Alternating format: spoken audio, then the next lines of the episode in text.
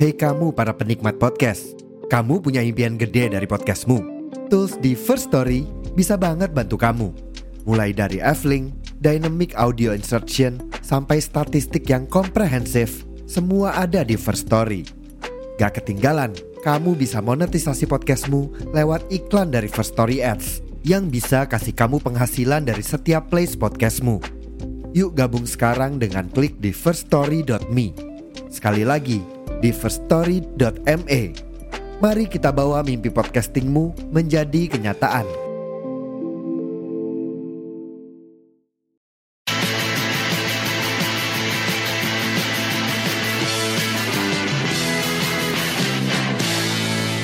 Yo yo yo, halo nakama kembali lagi bersama saya Ramatung dan Saya Rizal Alam. Saya Karibo. Selamat datang di podcast Gesawan Peace. Halo nakama nakamaku. Halo Nakama. Ya semoga kemarin kan em, gini nakama. Sebelum kita ngobrolin tentang apa yang mau kita bahas ya teori ya. Mau ngobrolin tentang ini nakama. Kemarin kan aku sempet kok keluar-keluar pakai mic baru dan ternyata audionya jelek. Sorry banget ya nakama ya. Semoga aja ini Oh. udah mendingan karena kayak aku terlalu dekat sama mic. Semoga aja Hmm. agak mendingan lah ya. Dan ya Masih baru, masih baru. Ya, ini kita ada di mana nakama? Em, di di di podcast yang cuman bertiga ini dan ini ada kru baru nakama ada Zul yang setia menemani sekarang. Aldi Keceng nggak tahu ke mana nakama. Dan sebelum kita ngobrolin tentang teori, aku mau mengumumkan nakama adanya yang kemarin kita bahas sama em, si Bayu ya, Zal ya.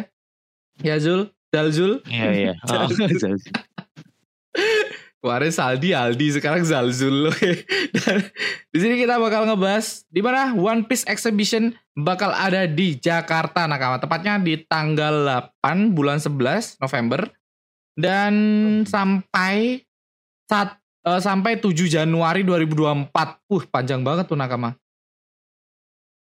Panjang Iya banget. lumayan lah. Jadi buat nakama yang dari jauh dan budgetnya banyak ya, itu bisa datang sih. Eh, Kayak kayak sengaja banget eh, lama-lama karena bisa ngelihat eh, hal-hal yang bagus-bagus kan Iya. di sana ya. Ada di sana dan patung-patung. satu persatu gimana ya ukurannya patung dari One Piece tuh satu Iya. persatu jadi ya Satu segitu banding Luffy satu. ya satu banding satu Iya, satu banding satu. jadi Luffy tuh segitu semua segitu bahkan Hmm. eh, ada putih duyung raksasa itu siapa Siapa Rausi ya? si Rausi ya Hiroshi.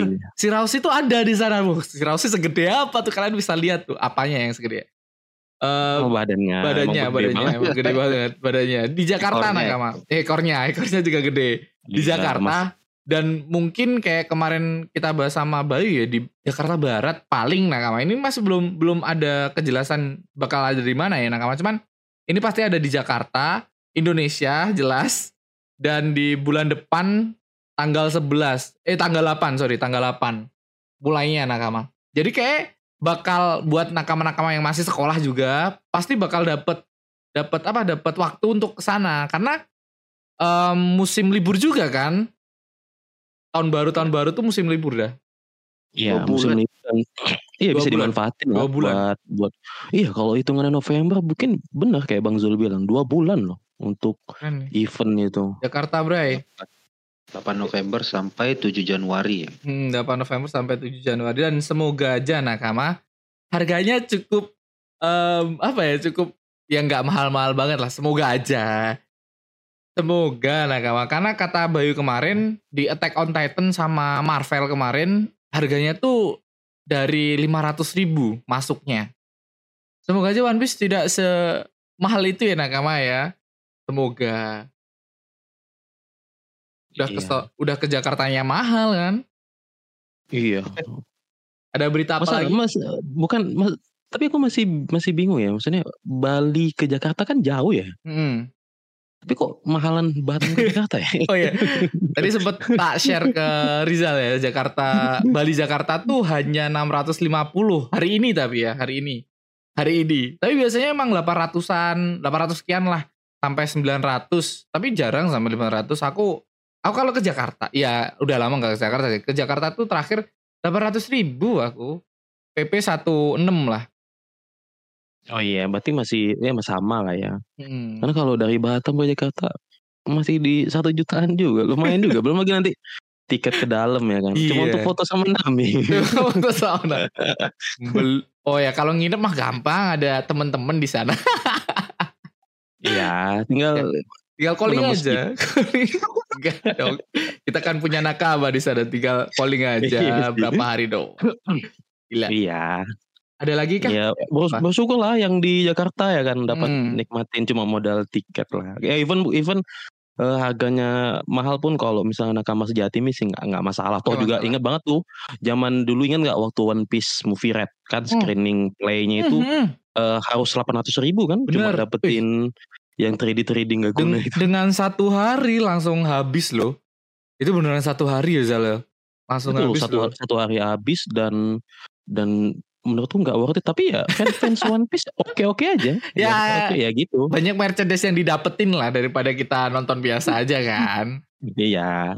Dan Yang kita bikin juga yang 3D itu. ya terlalu terlalu ekspektasi tinggi lah dengan film kemarin itu jadi ya ya udahlah gitu aja balik fan screening yang ya lumayan oke kita bakal ngobrolin tentang ini nakama tentang em yokai yokai yang bakal diadaptasi sama udah sensei ke Gorosei ini. Mungkin nih ya ini masih asumsi masih teori. Nakama Iya. karena kita nggak nggak tahu pastinya kan.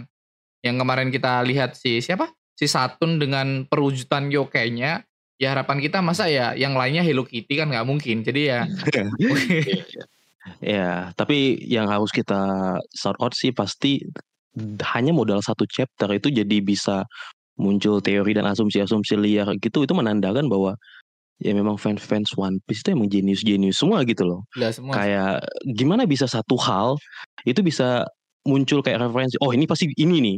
Ini pasti yokai ini referensinya. Pasti yang lainnya juga yokai. Itu kan Yokai. hanya orang-orang yang punya pemikiran yang jenius itu kan, yang Bah- langsung terfikirkan akan hal itu gitu. bahkan sampai Im sama teori Im sama tuh Iya, bahkan yokai, sampai ke gila sama. gila Ya, banget jadi itu Dan- ala- alasan Oda buat nyimpan-nyimpan. Hmm, Iya. buat nyimpen- biar Oda ada itu teori setuju. Setuju. Setuju Bang Zul. Ibarat kata ya kayak dia Oda itu selalu punya waktu yang tepat gitu untuk eh, Iya. ngasih informasi gitu loh. Kayak kita kan selalu nggak sabaran nih. Ini kenapa nih? Ini ada plot-plot hole. Tapi Oda tuh kayak nih carilah sendiri gitu. Kebiasaan. oke Ya kita kan satu karakter aja di reveal. Kekuatannya Ya. udah udah menggila iya teori-teorinya. teorinya oh iya Iya. kekuatan langsung semua teori-teorinya udah menggila banget tuh Iya dan dan setelah kita baca dan kita anu juga menarik banget gitu loh. Kayak Hmm. bisa Ya. jadi gitu saking bagusnya teorinya gitu loh. Oke, kita langsung aja nakama ya. Kita langsung ke teori. Ini sudah disiapkan oleh Abang Rizalku. Gimana Zal? Kita kan udah udah diperlihatkan Hmm. oleh Satun kemarin yang dari yokai yang namanya apa kemarin Zal? Oh Sioni. Usioni. Keren ya namanya ya. Ya, Usioni. Usioni. Usioni, Usioni. Usioni. Usioni. Nah jadi hanya tadi yang seperti kita bilang di awal lah, hanya modal satu kekuatan Satun itu bisa menjadi asumsi buat kekuatan dari keempat Gorose yang lain. Even Im Sama itu sendiri. Sampai ya. im sama loh, sampai im sama. sampai Im Sama itu kan gila ya yang pembuat teori dan ini sudah pasti udah nakama-nakama sekalian udah udah baca ya di Banyak karena udah ya, udah beredar viral luas banget lah. di uh, di semua platform sosial media. Nah, kali ini kita bakal coba bakal bahas satu-satu lah ya, bahas satu-satu karena nanti kita di ending kita kasih kesimpulan ya terkait uh, teori ini nih. Oke. Iya, iya. Oke, nah yang pertama kita coba bahas dulu sosok si Satun yang menurut fans dan yang pembuat teori ini adalah referensi Oni atau bisa dikenal yokai Ushi Oni. Nah, Ushi Oni ini itu punya nama lain artinya lembu setan. Memang benar-benar sosok iblis setan ya. Lembu setan. Nah, biasanya yokai Oni Ushi Oni ini itu berlokasi di tepi Tepi pantai pantai. atau dekat perairan yang ada di Jepang bagian barat.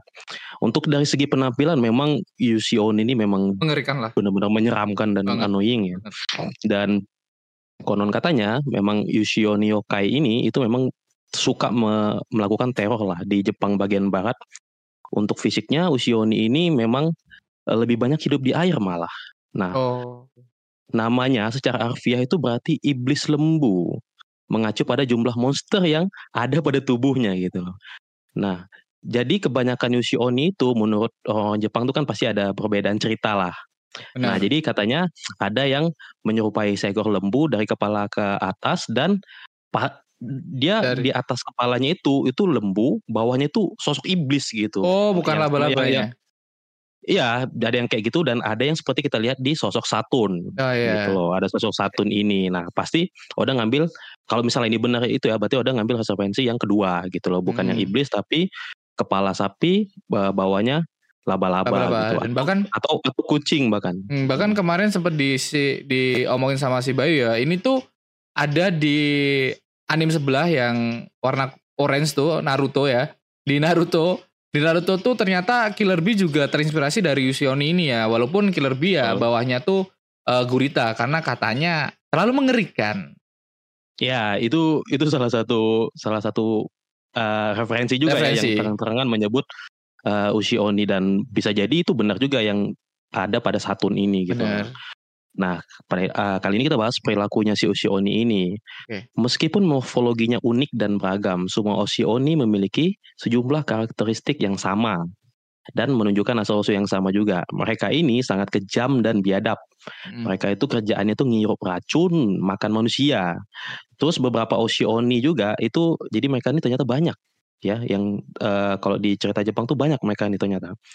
Nah, jadi Oshi Oshi Oni ini itu punya misi masing-masing.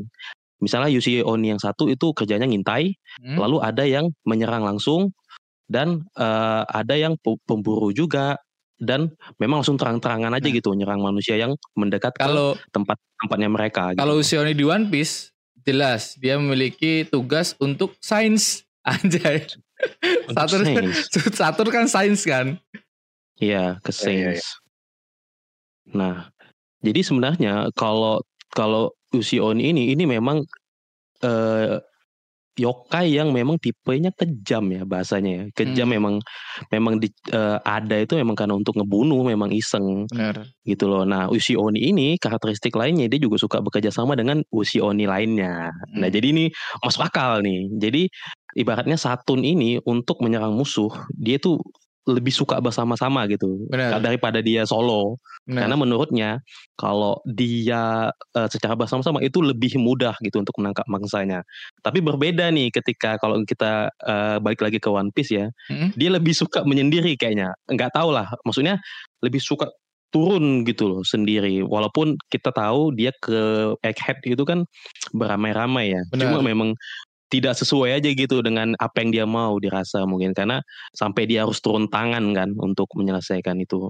Dan Nah itulah se- ah ya lanjut bang. penggambarannya tuh mirip banget kayak Usioni yang ada di Jepang loh si si ini ya si si Bener, si Plek-plekan ini banget. Plek-plekan banget. Iya, plek-plekan banget di eh di referensi yokai ini. Iya, yokai ini. Nah, Yokai.com. ya yokai.com. Nah itulah eh sedikit informasi ya terkait si Ushi Oni inilah atau Sensatun Garcia ini. Hmm.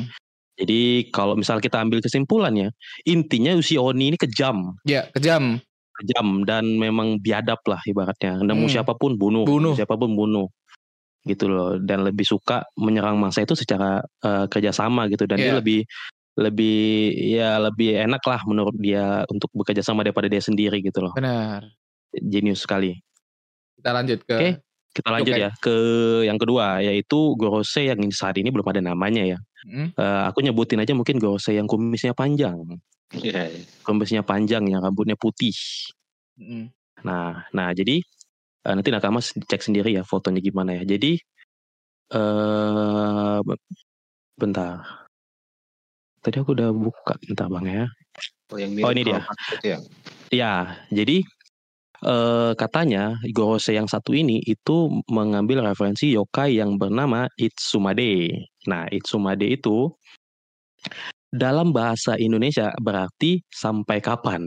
Nah, Itsumade adalah kaicho atau seekor burung yang berbentuk aneh. Mereka itu memiliki wajah manusia dengan paruh yang runcing dan tubuh ular yang bersayap. Serta cakar mereka itu yang gede banget sampai sekitar 4,8 meter. Nah, uniknya Itsumade ini itu muncul di langit malam pada saat terjadi wabah penyakit dan bencana. Oh. Atau dia tuh terbang-terbang aja tuh di sekitaran eh, atas-atas langit yang menurut dia di suatu tempat itu tuh eh, terlalu chaos, entah Hmm. chaos tentang banyak sekali pertempuran, wabah penyakit Bawa dan lain-lain.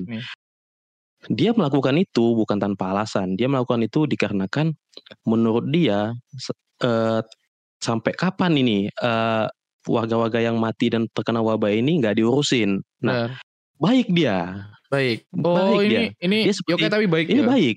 Dia ah, kalau Tapi misalnya kita benar wajahnya aja buruk yokai ya? ini, iya dia memang bentuknya buruk. Dia kayak ibaratnya ini nggak ada eh, nggak ada aksi nih untuk Ah, eh, orang-orang yang kena wabah nih. Iya, untuk masalah yang ada di pulau itu, tapi eh dia gondok, gondok Mhm. dan akhirnya dia yang turun tangan. Nah, cara dia mengelilingi pulau itu, dia berputar-putar sambil teriak, memekakan telinga lah sampai siapa pun yang berada di situ tuh Pasti eh, kedengaran. ngerasa, iya pasti terganggu lah. Sampai akhirnya pasti ada aksi gitu loh, Ah. aksi yang awalnya nggak diperdulikan itu jadi diperdulikan. Nah, berarti secara logika yokai, Yokai tipe ini. Itsumade ini ini baik, Bener. baik Nggak- dia. nggak kayak di yang enggak kayak Usioni kok tadi ya. Bukan kayak yang Yushiomi tadi, yang tipe-tipe devil. Nah, ini nanti yang akan kita bahas nanti di di, di kesimpulan setelah kita bahas yang lainnya gitu. Mhm. Oke, nah itulah. Jadi Itsumade ini pertama kali muncul di Taiheki, sebuah sejarah fiksi Jepang yang ditulis pada abad ke-14. Nah, menurut Taiheki, wabah penyakit yang mengerikan menyebar pada musim gugur tahun 1334. Penderitaan korban wabah itulah yang memanggil Itsumade tadi. Jadi yang Benar. itu tadi yang kita bahas ya. Nah, nama Itsumade itu dalam bahasa Jepang itu yang tadi Itsumademu. Nah, jadi dia ketika dia terbang tadi, dia teriak dia berteriak Itsumademu, Itsumademu yang artinya dari bahasa Indonesia sampai kapan? kapan? Sampai kapan nih kalian me- kalian me- Hmm, biarin nih. mengabaikan ini? Bener. Ya, kita sudah sudah eh, kesusahan gitu loh. Nah, dia dia semacam pe- pem- apa penuntut keadilan. Oh, luar biasa.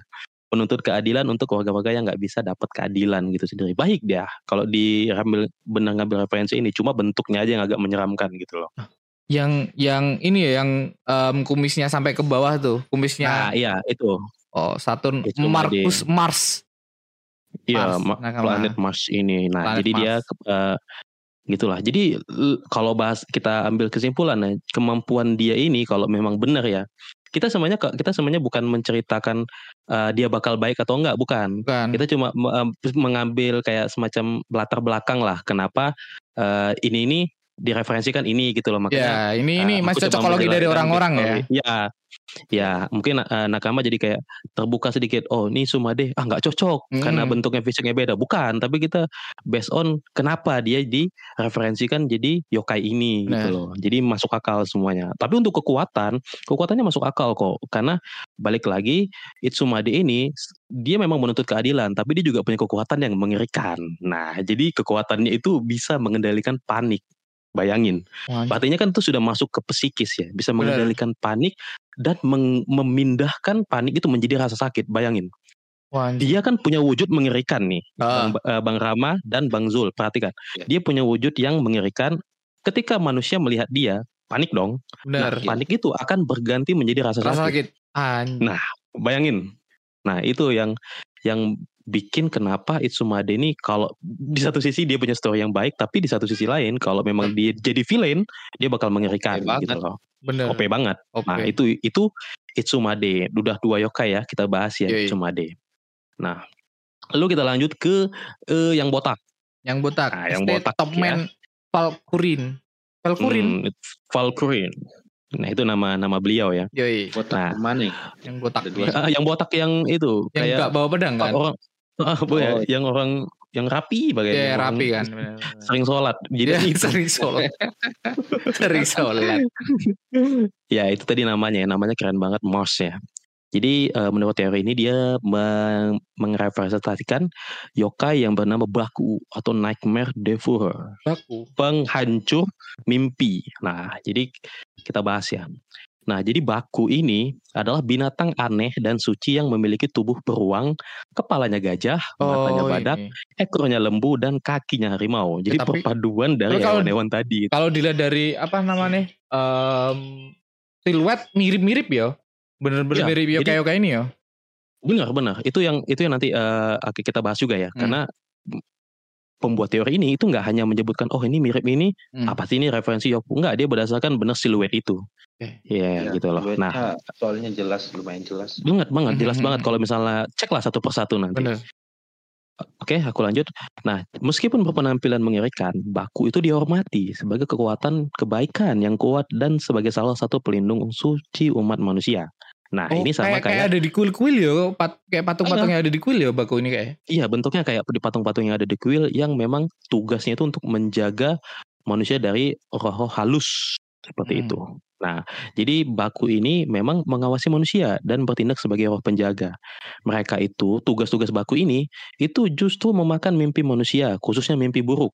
Ini kan berkebalikan ya dengan teori selama ini bahwa eh, kekuatan Gorose itu harusnya berasal dari mimpi buruk gitu loh. Hmm. Nah, roh jahat dari para yokai itu takut pada baku dan melarikan diri dari daerah yang dihuni baku. Oleh karena itu, kesehatan dan keberuntungan itu akan mengikuti baku ke mana pun mereka pergi. Nah, jadi dapat kita simpulkan di sini, semua yokai yang ada di kisah ceritanya One Piece Hmm. itu nggak semuanya Bejahat lah. baik baik. Iya. Iya, maksudnya dalam artian gini bang, yokai banyak nih, tapi nggak Iya. semuanya itu baik sesamanya. Nah, iya, jadi iya. Ada yang Iya. takut sama ini, ada yang takut sama ini gitu loh. Nah, Iya, itu iya. yang jadi banyak sekali yokai yang takut sama si baku ini gitu loh. Karena dia eh, penjaga psikis manusia pada zaman itu. Nah, sama seperti Itsumade, berarti dia ini tergolong baku yang eh, yokai yang baik. baik. Nah, nah. Jadi nama dan nah baku ini itu nama dan gambarnya tertulis dan digunakan sebagai simbol keberuntungan dalam jimat sepanjang sejarah Jepang. Benar kayak Bang Rama tadi bilang. Di masa lalu menyulam kanji baku ke bantal merupakan hal yang umum untuk menghindari mimpi buruk. Oh, iya, jadi iya. di Jepang, Bantal-bantalnya. iya, jadi di Jepang tuh kayak ada semacam eh, tradisi unik yaitu kalau misalnya kamu nggak mau mimpi buruk, kamu sulam kanji, tulisan kanji di Iya. buku, nah itu di ke bantal, bantalmu. Nah maka kamu tidak akan mimpi ada buruk. pernah ngalamin mimpi buruk, penyakit dan roh jahat. Nah itu based on si baku ini. Baku nah, ini. kalau kita ya kalau kita tarik kesimpulan berarti baku ini salah satu yokai yang baik lah, Baik, karena Benar, menjaga melindungi lah, manusia. menjaga manusia di malam hari. Di waktu tidur Nah. lah dijaga. Nah, aku nah sebelum kita lanjut ya, kenapa si pembuat teori ini mengat- eh, mengambil referensi yokai ada yang baik, ada yang buruk, ada yang enggak? Karena kan sempat ada teori bahwa jangan-jangan di Gorose ini ada pengkhianat. Waduh. Ingat nggak kalau ingat nggak Bang Bang Rama dan Bang Bang Zul juga ada dulu sempat teori yang beredar bahwa Iya, iya, iya. ada eh, Gorose yang berkhianat. Entah ini teorinya dari Goh de Roger juga yang dari eh, Twitter. kas- ah, sorry eh, Reddit atau Mhm. gimana? Tapi kita pernah bahas Bang Ram. Tapi Mhm. mungkin mungkin mungkin lupa nanti kita coba kulik lagi. Nah itulah kurang lebih Si baku eh, ini. kisah tentang si ba- baku ini lah ya. Nah lanjut kita ke eh, Gorose yang Bawa pedang. pakai belum Belum. si yang ini dulu eh, Jupiter. yang mirip Sanji Jupiter Yang mirip Sanji. Oh, yang mirip iya. Sanji Ya, Jupiter, Jupiter. namanya Jupiter ya Jupiter. Peter. bentar Jupiter ini aku udah udah ngambil belum oh ya udah nah oke nah jadi siapa, siapa tadi namanya Jupiter aja, Jupiter, Jupiter. Nah, ya, Jupiter. Jupiter aja ya. Nah, Ya. jadi Jupiter ini mengambil referensi yokai yang bernama Akashita atau dalam bahasa Indonesia artinya lidah merah.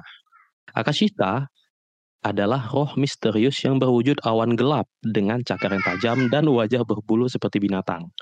Ciri dan namanya yang paling menonjol adalah lidahnya yang panjang dan berwarna merah yang menjulur dari mulutnya. Hanya bentuk wajahnya yang berbulu, mengerikan, dan cakar binatang panjang yang diketahui. Sisa tubuhnya itu selalu tersembunyi di balik awan hitam yang ada di tubuhnya. Nah, Iya, iya. Akashita ini itu muncul hanya di bulan musim panas, ketika hujan dan air berada pada kebutuhan tertinggi untuk memastikan keberhasilan musim tanam. Mereka adalah agen restribu- retribusi. Retribusi itu kayak semacam Retri. pengalur lah. Retri, Iya. eh, bukan Retri Retri. Indomaret ya nakamanya. Bukan, bukan Bukan. Retri Indomaret. Jadi Kan? Nah, Akashita ini itu lebih kayak pembantu lagi, Hmm. pembantu manusia bahkan. Jadi dia jadi ada hal-hal yang tidak bisa terjamah oleh manusia itu akan dibantu oleh, eh, oleh Akashita, Akashita ini. ini. Sebagai contoh, dia membantu mengalirin air, Air, gitulah ke ta- tanah apa namanya sawah-sawahnya warga gitu. Ah, Nah, gitu. kalau di jadi- Jawa tuh namanya oh lupa ya. Adalah nama orang yang ngalirin sawah tuh lupa. Joko Tingkir, Nah. Joko Tingkir, Joko Tirto, Joko Tirto. Sorry nah kalau Iya. Joko Tingkir lah lagu anjing. Iya, jadi intinya dia itu membantulah untuk mengalirkan air-air itu ke kanal rumit. Hmm. Karena semua kan kalau misalnya eh, sawah-sawah itu kan saling berhubungan lah ya eh, airnya itu Hmm. dan biasanya itu kalau bisa sih dikerjakan oleh manusia bisa, cuma perlu waktu yang lumayan. Nah, Hmm. di situlah fungsi akasita ini. Jadi di- jadi semuanya yoka-yoka ini juga ada yang eh, hidup berdampingan sama manusia gitu loh. Jadi nggak semuanya benar-benar pejahat. Emang sih wujud mereka tuh memang jahat. Cuma Mengerikan. cuma memang cuma mereka ada yang membantu juga. Nah, ada ada ada tetapi akan tetapi pada saat kekeringan seorang pedat petani, nah jadi gini, petani itu ada yang jahat. Nah, petani Iya, yang iya. jahat itu yang ngebuka pintu air dan mengalirkan air tetangganya ke punyanya sendiri. Nah, di momen ini Akasita akan menjadi pengadil buat itu. Bagaimana dia mengadilinya? Dia akan eh, sangat marah pastinya dan eh kepada ya orang yang melakukan cheating ini itu akan ya langsung dibunuh sih. Langsung Tanpa- dibunuh. tanpa- langsung dibunuh sih. Nggak ada Tanpa penyakit, minta- nggak ada apa langsung dibunuh. Wah, ada. Juga nih karena- berarti. Ya, wala- karena balik lagi dia kan juga bukan manusia biasa. Pasti dia sudah paham lah mana manusia yang jahat dan manusia manusia yang baik. Nah, jadi mungkin ini kayak bentuk aku udah bantu kalian kok, kalian malah Ya, eh, melakukan hal-hal nger- nggak Sesama hargai kalian nih. gitu. Ya. Oke lah Mencuri kalian ke hak aku orang lain. misalnya gitu. Tapi kok kalian sesama kalian malah eh, mengambil keuntungan gitu loh. Nah, dan aku tidak suka akan hal itu. Jadi ku basmi aja dirimu gitu loh. Baik. Jadi di satu sisi dia baik, satu sisi dia eh, no punish. Jadi kalau misalnya salah kill. Kill. Ya tipe yang tipe yang kejam lah. Tipe yang tegas sih, lebih Bener. ke ke Tegas ke lah. tegas Aka- Akashita Tegas, ini ya. balik lagi ya kalau misalnya kita lihat siluet dia itu kan seolah menganga ya. Hmm. nah menganga walaupun kita nggak nggak nggak terlihat ya lidah panjangnya kalau memang mengambil referensi Akashita ini. Benar. tapi masih bisa sih. Masih masih bisa lah dari siluet. ah, siluet. Nah lanjut lanjut ke ini eh, Yang yang, botak. paling gila ya yang botak. Nah jadi yang botak ini yang paling menarik nih justru. Jadi eh beliau ini siapa namanya? Yokai, yokai, tiba-tiba langsung yokai. Ya Mercury Yang mana kayak. yang berpedang kan? Mercury Mercury. ya ya yang Eh. yang yang Mercury yang punya Komis. Sadai Sodai Bukan yang Oh, Bukan, yang masuk. botak. Ethan, Ethan Baron. Venus, Ethan Venus, Baron. Venus, Venus, Venus, Venus, Venus. Venus buset namanya keren banget ya Venus Juro. Nah, jadi eh ya pembuat teori ini mengambil referensi Nura Region. Gila. Jadi Nura Region ini kalau di di translatein ke bahasa Indonesia artinya labu yang licin karena Labu, sesuai dari oh iya. bentuknya ya. Kepalanya Labu- licin labu ya. licin. nah, nah, jadi eh, kalau misalnya kita ta- tadi yoka-yoka yang tadi kita sebutin dengan wujud yang mengerikan, Hmm. tempat-tempat tinggal yang eh, aneh-aneh, ada yang di tempat di samping laut, ada yang di tanah apa sawah-sawah warga. Nah, yokai kali ini itu sangat unik. Dia malah mendiamin tempat-tempat kayak villa mahal, rumah warga, ruang tamu. Jadi Ngeri tempat-tempat nih. yang bagus. Ngeri nih malah di tempat-tempat yang bagus nih.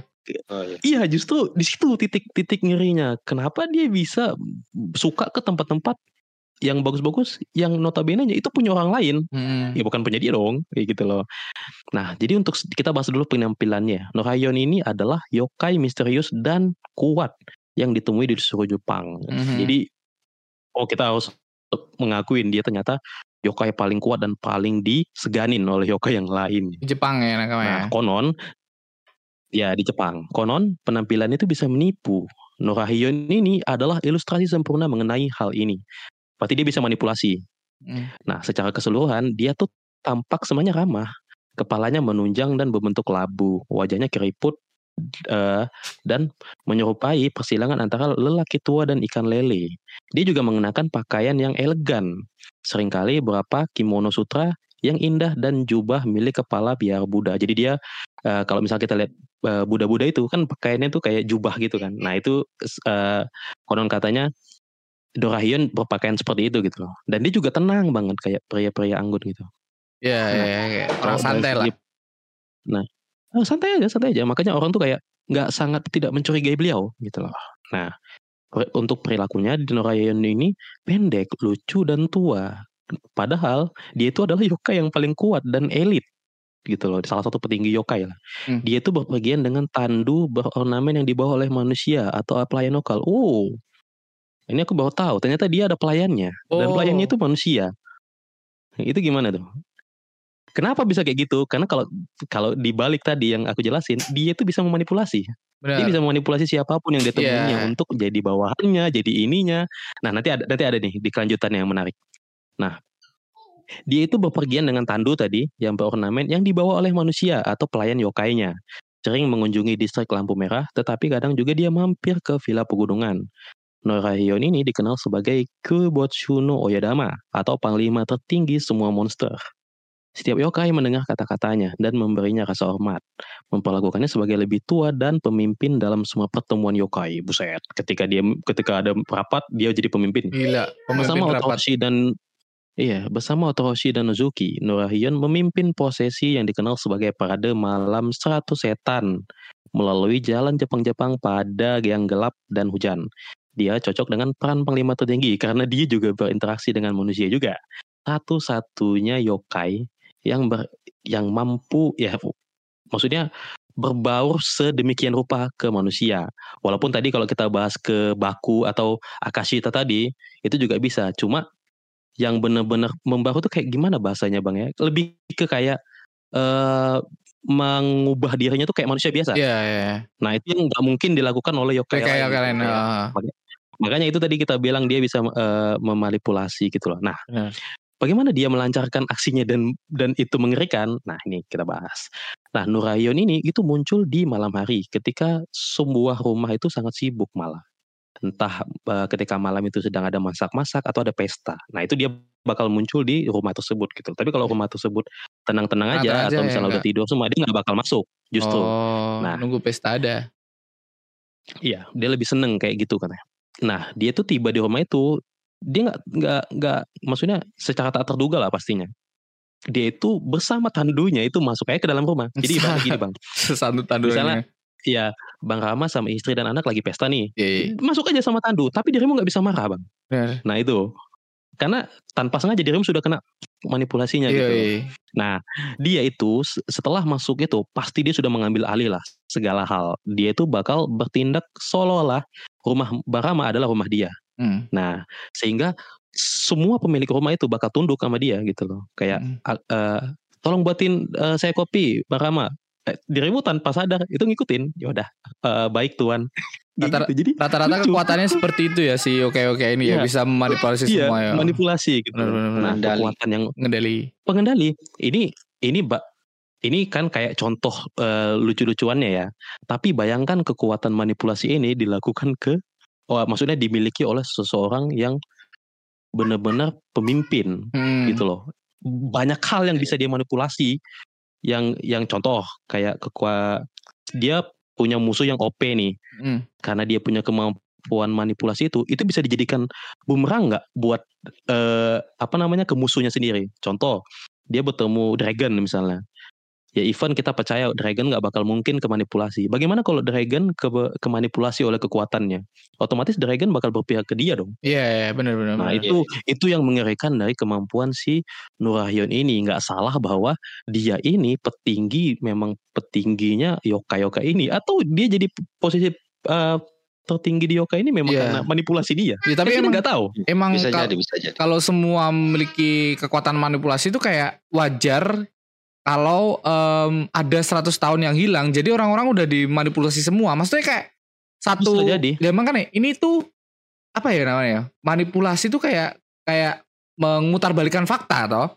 Ya dari yang sebenarnya Hmm, dia nggak salah. fakta, betul. Sebenarnya dia nggak salah terus jadi yang salah orang lain gitu kayak kita ini sebenarnya sebenarnya guru saya ini salah tapi yang disalahin orang lain dilempar ke orang lain. Bahkan kayak kemarin tuh Luffy kan sempet mau dibikinin berita bahwa yang bunuh si Vegapunk orang terpintar tuh bukan mereka bukan para pemerintah dunia tapi malah si Luffy ini ya kan ya si Yonko-nya bener manipulasi Nah, Asik. selama ini uh, kita hanya dilihat manipulasi sebatas logika. Bener. Tapi kan kita belum dilihat manipulasi secara uh, kekuatan. kan. kekuatan benar Ki- Belum, belum, belum. Ini bakal bakal masuk akal kalau memang benar-benar terjadi. Karena kekuatan manipulasi itu kekuatan yang mengerikan loh.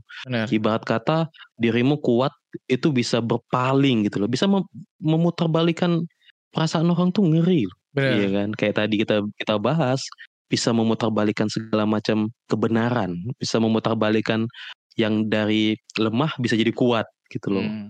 Yang kuat di pihak lain ya udah dimanipulasi aja jadi ikut kami. Itu kan gila banget itu kalau misalnya di dipikir-pikir dan itu dimiliki eh, dan dan balik lagi ya kalau misalnya itu benar dia punya kemampuan eh, manipulasi serta ke- kemampuan berpedang yang hebat. Oh Bayangin. sama berarti ya berpedang ya Iya. kemampuan berpedang nih gila Iya, dah. gila gila Berarti- gila, gila, gila. Berarti eh, balik lagi ya, respect buat yang buat teori. Kenapa bisa se-relate ini gitu loh Ah. bahwa Nurahion ini itu kalau kita tadi eh, kemampuannya itu benar-benar relate dengan si Para siapa- Gorosei. Siapa namanya? Mercury. Merkur Ah, si Gorosei yang botak inilah. Hmm. Ah. Gorosei eh, yang berpedang itu kekuatannya tadi yang sudah Venus Juro ya apa apa ya. tadi tadi yang lupa paling powerful bang. Venus Juro Venus Juro Juro. kayak orang-orang dari Ah, dari Wano satu nih orang nih Ya, kan ada teorinya dia Ah. dari Wano. dan iya Ah, iya iya iya betul betul Bang Zul. Iya iya iya jelas banget dia bagi dia dari Wano katanya. Dan dan satu lagi tadi yang luput juga dia juga bisa menghilang. oh nah, anjir. itu jadi jadi penambah penambah kekuatannya. Jadi eh, entah misalnya eh, yokai ini masuk tiba-tiba entah dia lewat eh, bayang ngilang itulah. Jadi terserah yokainya sih. Walaupun sebenarnya dia tanpa menghilang juga Hmm. penduduk rumah atau penduduk pulau atau penduduk vi- villa pun bakal tetap eh, ya, ya tetap tunduk lah soal tetap tunduk otomatis lah gitu. ya tetap tunduk lah tunduk tunduk sama dia mau mau dia perintah apa ikut bayangin gitu loh. Nah, lu apa lagi ya? Terakhir Eh, berarti Nurahion sama nih. Jelas Oh, banget. belum Ya. Ya. Harusnya udah terakhir. Nah, paling dia menambahkan gini. Kalau misalnya kita berkaca di One Piece chapter 1094, Sense Gesai Garcia Satun ini ketika sebelum mengeluarkan transformasinya itu ada lingkaran. Nah, kalau misalnya kita ambil eh, kesimpulan lagi, ternyata di lingkaran itu ada angka 5. ya lima lima Nah, lima Bagaimana? Ya, bagaimana jika sebenarnya 5 itu adalah angka urutan kata dia ya. Ini tolong nih nanti eh, ada lagi komen muja-muja enggak. Ini aku ini cuma bacain teori, ini cuma bacain teori. Nah, jadi lanjut lanjut jadi kata dia, jadi Sega Satun ini itu peringkat kelima justru. oh jadi peringkat ada kelima sebenarnya eh ya jadi katanya menurutnya kalau Gorosei yang lain mungkin bisa jadi eh, ada nomor satu dua tiga empat lima jadi menurut kekuatan itu dan nomor satu kita sudah tadi jelasin nomor Iya. satu siapa si nomor botak satu si di labu Nurahion tadi di Ya. labu nah kat, nah katanya ketika misalnya nanti ini di suatu masa udah disebutin nih kekuatan si eh, tadi yang botak ini nah dia Hmm. bakal sama transformasinya cuma dia angkanya satu karena beliau yang paling kuat di antara kelima oh Gorosei. jadi keluarnya tuh dia ya. satu satu satu gitu bener bisa Bisa. Iya, jadi jadi a- angkanya sesuai gitu bang. Itu kan kayak Mm-mm. Saint Gasser satu nih nomor 5 karena dia Benar. mungkin terkuat nomor 5 Hmm. Eh, terus yang nomor 4 si ini. Nah masuklah ke nomor satu si botak misalnya. Hmm. Entah dia beneran transform- transformasi jadi Nurahion, tapi sebelum dia bertransformasi jadi Nurahion, ada simbol yang lingkaran juga. Lingkaran tuh, satu, satu, tapi satu, angkanya satu. nah Nah iya. gitu. Jadi asik itu itu menurut dia ya. Ya.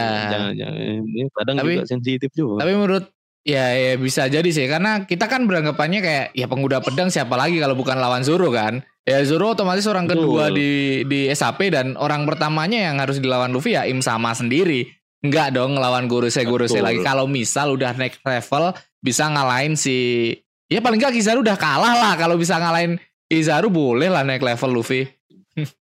Boleh, boleh lah, boleh lah. Harus karena kalau kita eh, apa namanya balikin ke pertarungan Luffy sama Kizaru itu bukan pertarungan yang memang pertarungan, bener-bener kayak nahan doang Luffy. Hmm, Jadi hmm, hmm. eh, perlu perlu upgrade sih, Luffy masih perlu upgrade. Bener. Even dia udah. Gear 5 dan lain-lain. Sama kayak kita bahas kemarin lah Bang Bang Rama juga di chapter kemarin kan. Jangan-jangan Luffy ini ada salah salah satu transform lagi nih yang belum dijelaskan nih. Bener, Mungkin kita kedatangan. Sensei Garcia satu ini bakal menjelaskan karena Bener. event Vegapunk juga nggak tahu. semua Gitu dia nggak tahu buah iblis itu cuman dari dari impian kan belum tahu ini buah iblis Mm, sebenarnya dari, impian mana tahu, dia juga nggak tahu. impian tuh banyak banget nih yang masih bisa dikulik kalau cuman impian doang Ya, Lah. karena masih banyak sekali plot lah di sini kan. Hmm. Kayak kita juga bahas buah iblisnya si eh Bonnie juga. Makin di Bener. sini kan makin random tuh. makin random Nah, banget itu tuh bisa jadi bisa jadi kayak makin random banget nih bisa ini bisa nge-spawn ini bisa ini dan lain-lain kan jadi itu juga bisa terjadi ke Luffy kok tenang aja gitu. Itu itu masih eh, harapan kita ya. Ya kita nah, lanjut itulah. ke jadi dia mem, mem- eh, itu yang terakhir ya. Yoi. terus kemarin Oke. kita sempat ngebahas im sama juga. Ada buah iblis im sama kah Hmm. yang mau dibahas? Ada. Ini yang terakhir. Jadi eh, sebenarnya kita nih bukan bahas buat iblis nggak sih bang? Kita lebih ke iya cocokologi referensi. Karena ke cocokologi karena kalau kita bahas buat iblis kayaknya buat iblis ah.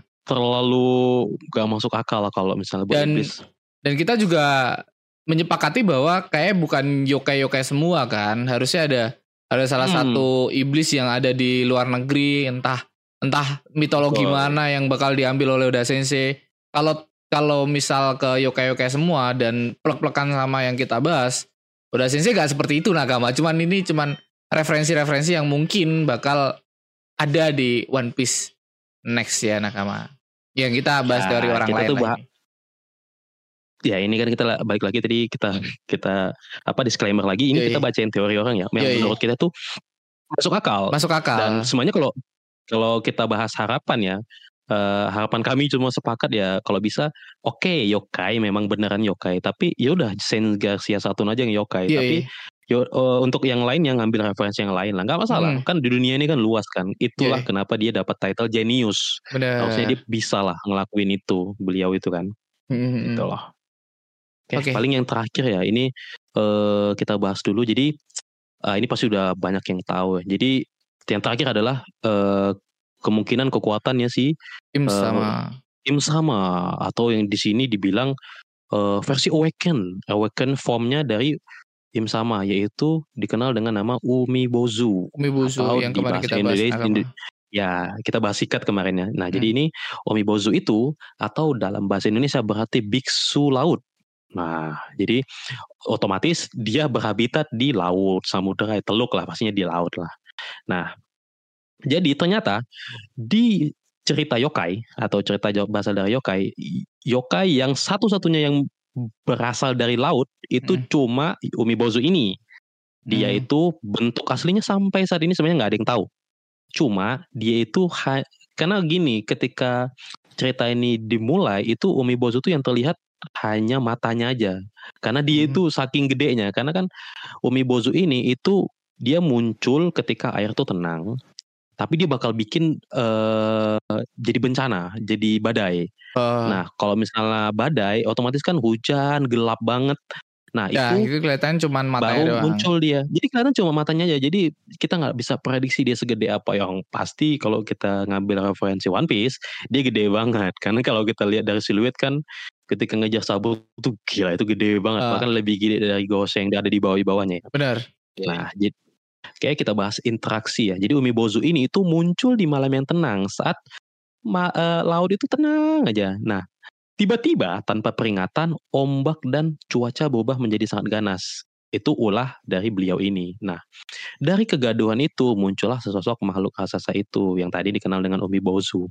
Dia itu memang fungsinya itu memang ngancurin kapal aja, baik dengan menghancurkan lambung kapal dengan satu kali pukulan one hit atau menjatuhkannya sedikit demi sedikit. Ini kayak kalau satu sedikit demi sedikit ini kayak ini bang. Kalau bang Rama ingat dan bang Zul ingat, sebelum eh, kru SHP naik ke Skypia itu kan Ya. ada sosok bangkai kapal kan. Oh ya, pakai jatuh. kapal yang jatuh. yang gede banget. Bener. Ya, Nah, nah kalau misal, jadi kan kita masih belum tahu tuh dia kenapa kan. Nah, bisa karena konon katanya itu terjadi karena Umibozu ini. Tapi sebelum kita lanjut, jadi banyak juga yang berkomentar begini. Lah, im- eh, Umibozu kalau misalnya memakan buah iblis transform ke Umibozu, Umibozu ini, Mm-mm. itu kok dia bisa ke laut ya? Nah, kan kalau misalnya seseorang itu pinter, hebat, itu bisa-bisa aja sebenarnya walaupun makan buah iblis. Tapi di laut gitu loh, kayak kita Ah. ngambil contoh Aokiji, terus juga Brook. Brook, itu bisa-bisa aja. Ya, jalan-jalan Apalagi- ke laut ya. Benar-benar. iya. Ah, Itu semuanya hal-hal itu sebenarnya mungkin-mungkin aja. Ingat Umibozu ini kan petinggi dari petinggi. Apa Iya. sih yang nggak dia bisa Nah, lakuin gitu loh? Tertinggi Ah, nomor Perkara satu. cuma di, di air juga simple lah. Simple gitu lah. Jadi eh, beberapa laporan warga yang katanya eh, Melihat melihat tanpa sengaja eh, Umibozu ini ada dua versi ternyata. Jadi eh, laporan lain menyebutkan sosok Umibozu ini kayak hantu lah. Dan ada juga yang kayak Funa Yurei raksasa. Funa Yurei raksasa itu kayak semacam gedung Bang Rama, Bang Zul. Jadi dia gedung-gedung kalau misalnya gelap banget itu hitam tapi kayak ada cahaya. Nah, jadi kayak gitu. Jadi eh, ada dua versi lah. Yang pertama kayak hantu, yang kedua kayak gedung gede aja. Tapi gede itu kayak memancarkan lampu di tengah-tengahnya itu. Kayak ibaratnya gini, gedung kosong, tapi kok ada lampu. Nah, kayak gitu. Itu yang dilihat oleh eh, masyarakat masyarakat masyarakat. yang konon katanya pernah pernah melihat Melihat tanpa Umibozu. sengaja di Umibozu ini. Nah, apa sih kaitannya dengan eh, One Piece? Apa sih kaitannya dengan ini? Jadi ini udah kita bahas juga sih di eh, chapter sebelumnya. Jadi katanya Umibozu ini sebenarnya tipe yang eh, kayak si Ushi Oni juga lah, langsung to the point, kill kill kill. Aha. Tapi ada yang unik dari Umibozu gimana? Kalau Miss eh, Umibozu ini eh, kayak eh, semacam memberikan eh, referral, tawaran. Nah ini agak unik nih. Tawaran itu maksudnya apa? Dia minta satu barrel, Satu gentong. Biar gentong. satu gentong. Nah tujuannya minta satu gentong tuh nggak nggak paham dan dia menggunakan bahasa apa gitu ke manusia apakah apakah dia minta satu gentong Minta satu untuk, gentong. gimana atau gimana jadi dia kayak gini bang Rama atau bang Zul kayak lebih dia pengen main-main jadi kapal tuh dibuat main-main sama dia nah dia minta satu Oh, gentong Bocah nih. jadi dia gini ya waduh waduh waduh, Waduh, bocah banget kita kan pernah bener-bener. teori kita kan pernah teori Bener, tuh bener, kalau bener, bener. sama bocah-bocah waduh waduh Iya, iya, Nah, iya. jadi ada kapal nih, ya kan? Kapal itu dia minta sini pinjam satu gentong dong. Jadi dia kayak semacam eh, gentong itu dibolongin sama dia, sama Imu Bozo ini, dimasukin air, dimasukin ke kapal. Set, kayak nuangin air ke kapal. Jadi dia kayak menenggelamkan kapal gitu. Kan kayak mainan itu jadi buatnya. Iya, kayak main. Kapal kapal bagus-bagus nih. Jadi dia minta ke eh, warga kapal itu, Hmm. tolong kasih saya eh, Satu kok barrel. anjay, tolong. Iya, kok tolong. Tolong. Sini eh, Kalau barrel. mau hidup, dia Kasih satu barrel Ah, gitu ya. satu barrel. Jadi barrelnya itu dibolongin dia. Mm-mm. Habis itu eh, dia ngambil air di laut, Ah. masukin ke kapal itu sampai kapal itu tenggelam. Jadi Duh, dia duh, kayak duh. menyiksa. Waduh, waduh, waduh, waduh. Iya. Nah, bagaimana cara selamat? Jadi eh, eh, yang korban itu harus Jadi masuk ke tongnya, tapi eh, eh, bolongnya itu, Mm-mm.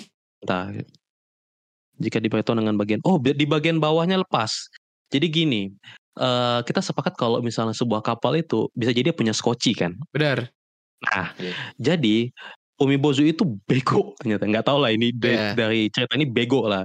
Kalau misalnya kita ngasih tong yang atas bawahnya ketutup, ibaratnya benar-benar tong tong yang full, Mm. itu dia bakal ngambil itu untuk dijadiin mainin tadi. Tapi Iya. kalau misalnya tong itu kamu bolongin bawahnya dan kamu sembunyi di bawah itu, Kamu jadi bakal bukan selamat. bukan bakal selamat, tapi kamu di bawah skoci dong pastinya. Iya, di kayak Luffy, kayak Luffy bener. di One Piece Live Action lah Benar. bener-bener referensi dari Umibozu banget. Nah, jadi Luffy kan masuk ke kapal tuh, eh, Hmm. ke ke tong. Cuma bedanya kamu harus skoci dulu di bawah, Hmm. baru kamu sembunyi di tong yang bawahnya itu di eh, bolongin, jadi bisa Ya. masukin tubuh kamu. Nah, itu kamu bakal aman karena eh, dia bak nggak bak- bakal mengira itu tong yang udah dia mainin tadi.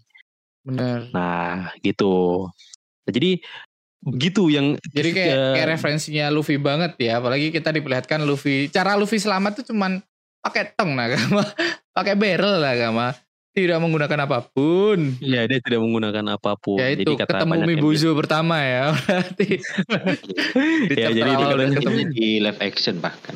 Iya, Ah, bahkan di ah, live kita action. kan baru tahu di, di itu katanya sih for, for, foreshadow. Nah terakhir eh ada yang mengatakan bahwa Umibozu ini itu adalah roh pendeta yang tenggelam dibuang ke laut Oh. ke oleh penduduk desa yang marah gitu. Jadi pendeta ini kemudian berubah menjadi hantu karena sifat kematian yang mengerikan tadi. Tapi memang rata-rata Makanya- pendeta-pendeta gitu ya dari oke-oke yang Ada, kita ada. bahas tadi. Ah, ah, ah.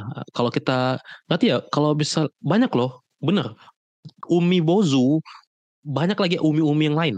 Hmm. Ada Umi Zato, Umi ini, Koraino, pokoknya banyak lah referensi. Dan kalau misalnya kita cek eh, bentuk-bentuk mereka itu mirip-mirip kayak pendeta semua, kayak Hmm. Buddha dan lain-lain gitu loh. Jadi kayak seolah-olah mereka ini dibunuh lalu menjadi sosok yang mengerikan gitu. Benar.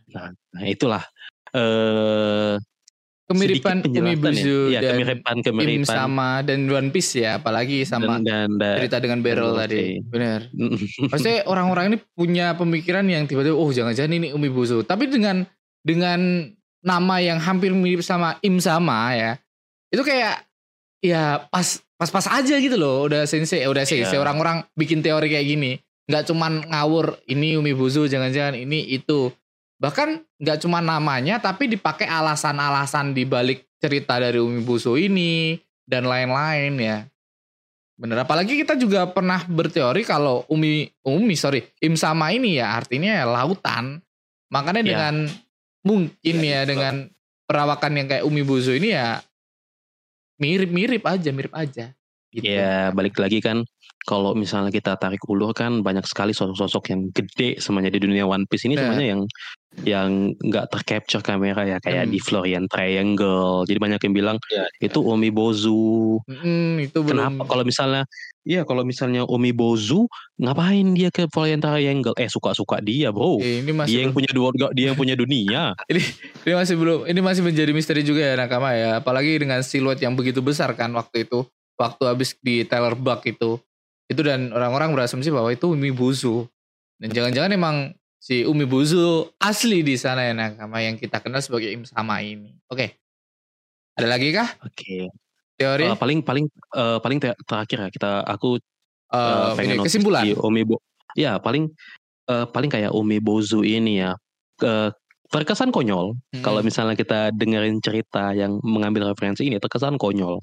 Tapi bayangin sosok semengerikan itu jadi villain terakhir di One Piece Wah, Nah, gila kalau misalnya kita berkaca di Nurahion tadi, kekuatan manipulasi, combo dengan kekuatan penghancur mimpi, lalu kekuatan yang mengubah rasa panik menjadi rasa sakit. Mm-mm. Nah, itu dijadikan satu untuk jadi lawan SHP nanti. Nah, artinya semua ini saling terkoneksi untuk teman-teman yang mendengarin ini ya. Jadi salut buat yang buat teori masuk akal semua kekuatan mengerikan yang disebutkan tadi sangat cocok ke lima Gorose ini terutama Im Sama yang be- mengambil referensi dari Umi Umi Bozu tadi benar. mengendalikan lautan memanipulasi laut bisa meng, me- ibaratnya gini Umi Bozu itu bisa kayak bikin laut itu menyerang siapa pun Benar. yang menghalangi dia. Laut counter alami buah iblis itu bakal dikendalikan sama dia untuk melawan melawan musuh yang gimana iya, cara mengkonternya? Even Benar. Aki bisa nggak? Kan nggak bisa iya. nah gimana caranya Oda bikin skenario supaya fight nanti di ending tuh bakal balance gitu Iya, dia benar-benar kalau berkaca pertarungan di terakhir Kaido ya. Bener Bang Rama, jadi Bang Zul juga. Jadi wah ini gimana nih? Semakin menarik nih kalau dipikir-pikir eh, kekuatan semengerikan ini. Belum lagi nanti bakal berhadapan dengan Admiral, belum lagi nanti Holy Knight dan lain-lain. Iya, Oli Knight Masih juga, ini. Masih juga ada yang meremehkan kekuatan angkatan laut. Wah lu gila sih. bro. Iya, Kalau iya. Lu masih ngeremehin kekuatan angkatan laut. Kayak wah si ini si Kizaru kasih lawan Jinbe. Wah Waduh, waduh, nggak bisa, waduh. Nggak Gak bisa bro, langsung Luffy Nggak dulu. bisa. nggak bisa nggak bisa. Nah itu Ini Luffy itu, aja itu kualawan agak- bro. Ya agak-agak disclaimer tolong kurang-kurangin eh, negatif thinking ke pemerintahan dunia tolong Oke. mereka tuh nggak selemah itu Ya, mereka tuh tidak selemah itu nakama. mereka tuh nggak selemah itu bahaya mereka itu Bayangkan 800 tahun kok. Iya, 800 tahun. Eh, memimpin Tidak dunia semudah 800 itu, kok. tahun bukan kaleng-kaleng itu habis itu mau Iya. di mau di apa selesain sama bocah 19 tahun kan nggak bisa bakal ada plot mengerikan dong di balik ini kan entah Iya. eh, Luffy itu bakal mengerti suatu saat kenapa dia harus eh, menyelamatkan bumi ini menyelamatkan dunia One Piece harus Benar, benar, benar. loh iya Oh iya, ini alasan Luffy yang paling kuat, yo. Apalagi Hmm. dengan cerita yang dihadirkan sama Vegapunk mungkin bakal kemasuk keracun lah ke Vegapunk nih. Diracun Iya, sama iya. Vegapunk nih. seperti apa pemerintahan yang bobrok aslinya. Fuck the government Ya. Nakama. Fuck the government. Nah, ini juga yang mungkin menjadi alasan kenapa sampai sekarang Luffy dan Dragon nggak pernah ketemu karena Dragon bakal menceritakan dong oh iya. seberapa buruknya pemerintah dunia kan buruk dan pemerintah dunia. jadi Luffy punya motivasi Bener. gitu loh. Dia kan eh, nggak pernah ketemu bapaknya tapi belum iya. makanya ini siapa ini anjing apalagi yang tahu bapaknya Luffy cuman Dragon eh Dragon siapa si Gap dan Gap nggak Si tahu ke mana nih hei tolong Gap hei oke Iya, oke. Udah jadi fosil sih. kayaknya Kak. udah jadi fosil Ini, kita ini saya mau tanya Silakan. ya, Mhm. soal ending One Piece kan nggak tahu dengar teori atau di mana. Hmm? Eh, katanya ending One Piece itu kalau Luffy udah ketemu One Piece-nya udah selesai atau gimana? Itu itu, itu teori atau konfirmasi dari Oda? Kak? nggak ada konfirmasi dari Oh, Oda enggak, kayak enggak, enggak. Itu Cuman- teori ya? udah sini cuman mengkonfirmasi kalau kalian bisa menebak apa apa apa ending dari One Ending Piece One Piece.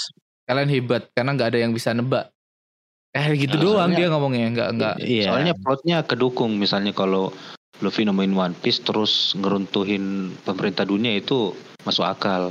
oh jadi nemuin One Piece dulu terus ngeruntuhin pemerintah Iya. dunia Soalnya kalau nemuin Oh. One Piece terus selesai, Iya. alasan Luffy Oh. buat lawan pemerintah dunia kan nggak ada. benar Oh iya Bang Zul benar. Ini kami udah pernah bahas juga Bang Zul. Ah. Jadi gini, tadi kami Iya. berpendapat bahwa eh, ap- mana bagus nih eh, One Piece nemuin One Piece dulu, atau apa- eh, final fight baru terakhir nemuin One Piece. Nah kami sepakat eh kalau ne- kita eh, nemuin One Piece dulu, Ah.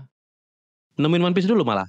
Iya, soalnya kayak Masuk akal. kita tahu tahu apa yang terjadi di balik em, apa ya di balik Poneglyph dulu dan Ah. terus tahu keadaan yang sebenarnya terjadi. Habis itu kayak diruntuhin dulu nih pemerintah dunia yang bobrok nih yang ada di cerita di One Piece itu kan kan kita kayak menganggapnya One Piece itu adalah Poneglyph atau prasasti yang mengisikan sejarah ya mungkin lah ya.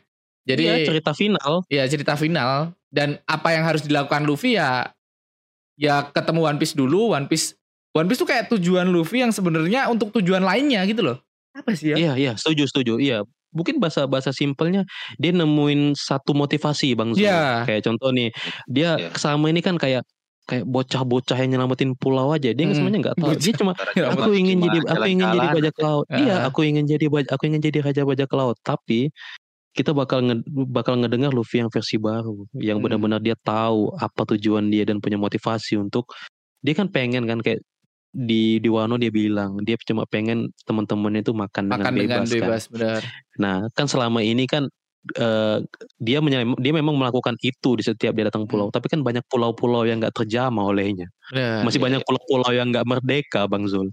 Jadi dalam artian mungkin dia perlu motivasi lah, karena nggak mungkin motivasi itu didapat dari nakamanya. Ya, iya jelas. sih, motivasi didapat oleh nakama, tapi Iya. kurang. Perlu kayak suatu kayak sampai Luffy itu kayak, oh iya, aku harus menyelamatkan dunia, kayak gitu loh. Ya, jelas Nah, dari itu mungkin yang didapatkan di One Piece. dari Bang Jul tadi ya itu udah sih nggak pernah berstatement One Piece bakal Ya, tamat pastinya. setelah ketemu One Piece atau bakal tamat setelah em, pemerintah dunia dihancurkan tapi ya itu cuman teori yang beredar aja kalau ya Hmm, kita iya. beranggapannya ya One Piece dulu terus ketemu apa hancurin pemerintah dunia dan itu udah sisi juga Iya. belum konfirmasi apa pun One Piece bakal tamat seperti apa Iya, Oke. dan, dan soalnya Udah, kan udah bisa masuk plot buat Dragon juga ketemu Luffy. bener Harus, masih bisa, masih bisa. Iya, iya, iya. iya. Nggak, lanjut kita baca komen ya nakama ya Let's go. Ya, let's go baca komen nakama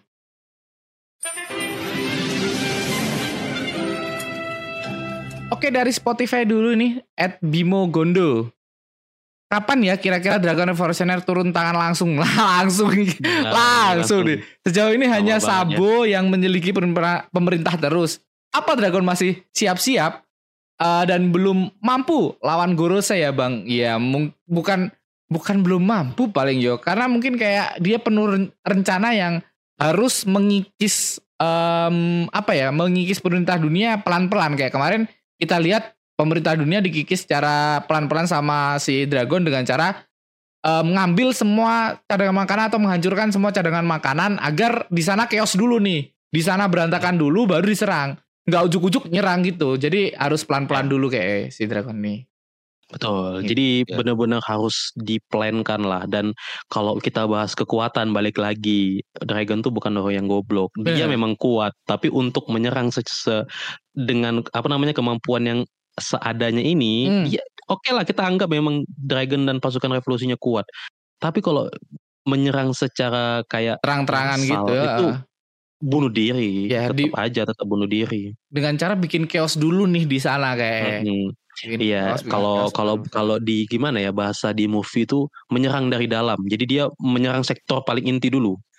Nah, Oh. se- se- selama ini sektor inti kan ya itu, ya Tendo Obito yang gak nggak guna itu kan.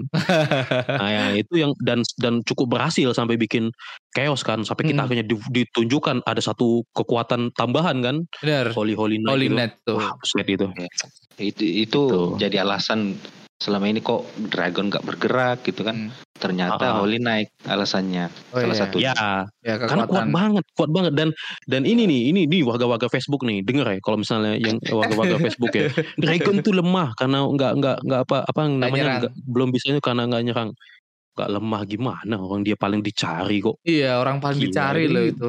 Masa nggak bisa berpikir lemah dari mana? Dia bukan lemah, dia nunggu momen. Nunggu momen. Anjay, bener, nunggu bener. momen. Nunggu momen. Tunggu ulti kita sini dulu bang. Iya. Kita main main Mobile Legend. Masih Bang. cooldown nih, masih cooldown nih. Kita mau cooldown, kita paksa war kalah, Oh, kalah. Mereka skillnya udah ready. Iya. Nunggu cooldown lah, Nunggu sabar Bo. Kan itu cooldown in 20 second. Nah, kan bisa tunggu dulu. Iya, bener, bener, bener. Oke, lanjut. Kita ke first story nih Nakama dari Godoy. Godoy ini Nakama yang sering komen di first story ya Nakama. Ini Boni, Hmm. Benar kata, kata abang-abang semua. Gue kira buah iblisnya manipulasi umur doang, tapi ternyata bisa menyerang pakai NDA itu apa? Ah, NDA. Gak tahu. Apa itu? NDA dengan kata lain kemampuan aslinya beda dari awal. Hmm, apakah dia hitu-hitu juga? Oh, hitu-hitu, hey, Oh. semua aja hitu-hitu. Modal dari Norse, Norse yang menguasai takdir orang. Tapi ya kita nggak tahu ya, nah kawan. Sekali lagi kita nggak tahu ya. Kita juga nggak nggak Oh, nggak memungkinkan bahwa itu bakal terjadi hitu-hitu ya. Tapi ya masa ya hitu-hitu lagi, tolong. ah, jadi jadi NDA tadi Bang Rama Wah. itu kayak tadi eh, near death experience. Oh, jadi yang kayak yang di kemarin, tadi, benar-benar. yang kemampuan Boni itu Iya. kemampuan yang yang kalau misalnya Menguasai di takdir eh, ya. Iya. Bayangin dia ngelawan seseorang yang kayak bikin Vlog, kamu bisa ngebayangin kamu mati. Itu kan bikin teror gitu. Iya, ini Dan mau menguasai takdir tapi tapi kalau misal tiba-tiba hito-hito masa apa sih Hito-hito. aku aku masih kayak gak gak terima gitu loh. Masuk sih. Iya, Ah, iya iya iya sama sama. tapi bagus Kalau bi dia bisa menguasai takdir orang, tapi nggak ke hito-hito juga dong. Apa-apa hito-hito, apa-apa hito-hito apa-apa jadi. jangan jangan Takut. jangan jangan jangan itu itu juga lah. Takut aku kalau udah sensitif tiba-tiba apa-apa hito-hito, apa-apa Oh. hito-hito. Oh, udah nggak selatah itu. Iya, Setelah iya itu iya. itu. Tiba-tiba setuju, Bang. hito-hito. Iya. Oke. Jangan semuanya itu. Oke, itu. jangan semua itu. Oke, kita lanjut nih. Dari Cing Twing Ting. Twing waduh. Ting. Waduh, waduh, waduh. Jangan di browsing ya nakama ya. Cantik betul. Oke, lanjut. Saya dengan eh, saya sedang menonton siri ini ini orang Malay ya nakama. Jadi agak-agak ini. Saya eh, sedang nonton siri beberapa siri Donghua Cina 3D yang kebanyakannya mempunyai kuasa skala dewa-dewa, memakai tudung skin terapung di belakang bahu. Eh, itu pun Hmm. juga diadaptasi oleh Oda. Oh, jadi itu kayak tudung tuh Heeh. maksudnya em, selendang, selendang. Sayap sayap Selendang, sayap enggak, sayap. selendang enggak ya? Iya selendang selendang selendang. tudung skin sayap. terapung. Uh, Devil Fruit Saturn membuatnya uh, membu- membuatkan saya teringat Black Maria.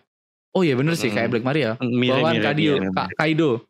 Apakah ini versi mitos? Jika Black Maria versi grade rendah Black Maria, Hmm. teori pribadi saya ialah terdapat Devil Fruit yang bentuknya mirip sama dengan nampaknya Oda mempunyai tahap Devil Fruit. Ini susah Oh, banget iya, sorry iya, Nakama ya kita orang Indo. Ah, ini. Saya Nah, agak nanti kesal Nanti, nanti, nanti kita Karena- kesimpulkan bang. Apa-apa. karena aja, Devil Fruit bukanlah sesuatu yang berpre berprestige Prestige. untuk diperoleh ya seperti Hmm. nampaknya berselarak eh, apakah membaca One Piece eh, pada masa kini tunggu saja kesudahannya walaupun Gorosei masuk campur rasanya bisa sa- sahaja membaca jadi saya ingat impian kru SHP yang menghukum me- mehu- mehukan Yang mehukannya mahukannya. me-. Temu All Hmm. Blue. Oh, ini cita-citanya. Temu Oh. All Doom menjadi Hmm, pendekar pedang nomor satu terkuat. lukis peta dunia bertemu Labon terus masih adakah sinergi banyak. dengan konflik semasa di mana aktivis eh, SHP baru-baru ini seolah-olah telah menjadi wira dunia. Mungkin Mm-mm. teori Luffy atau Naruto benar-benar berlaku. Tunggu saja masih ada aliens lagi. Salam dari Malay. Salam dari Malay. Terima kasih udah Salah dari komen. Malay. Sorry, sorry Chin banget nih ya.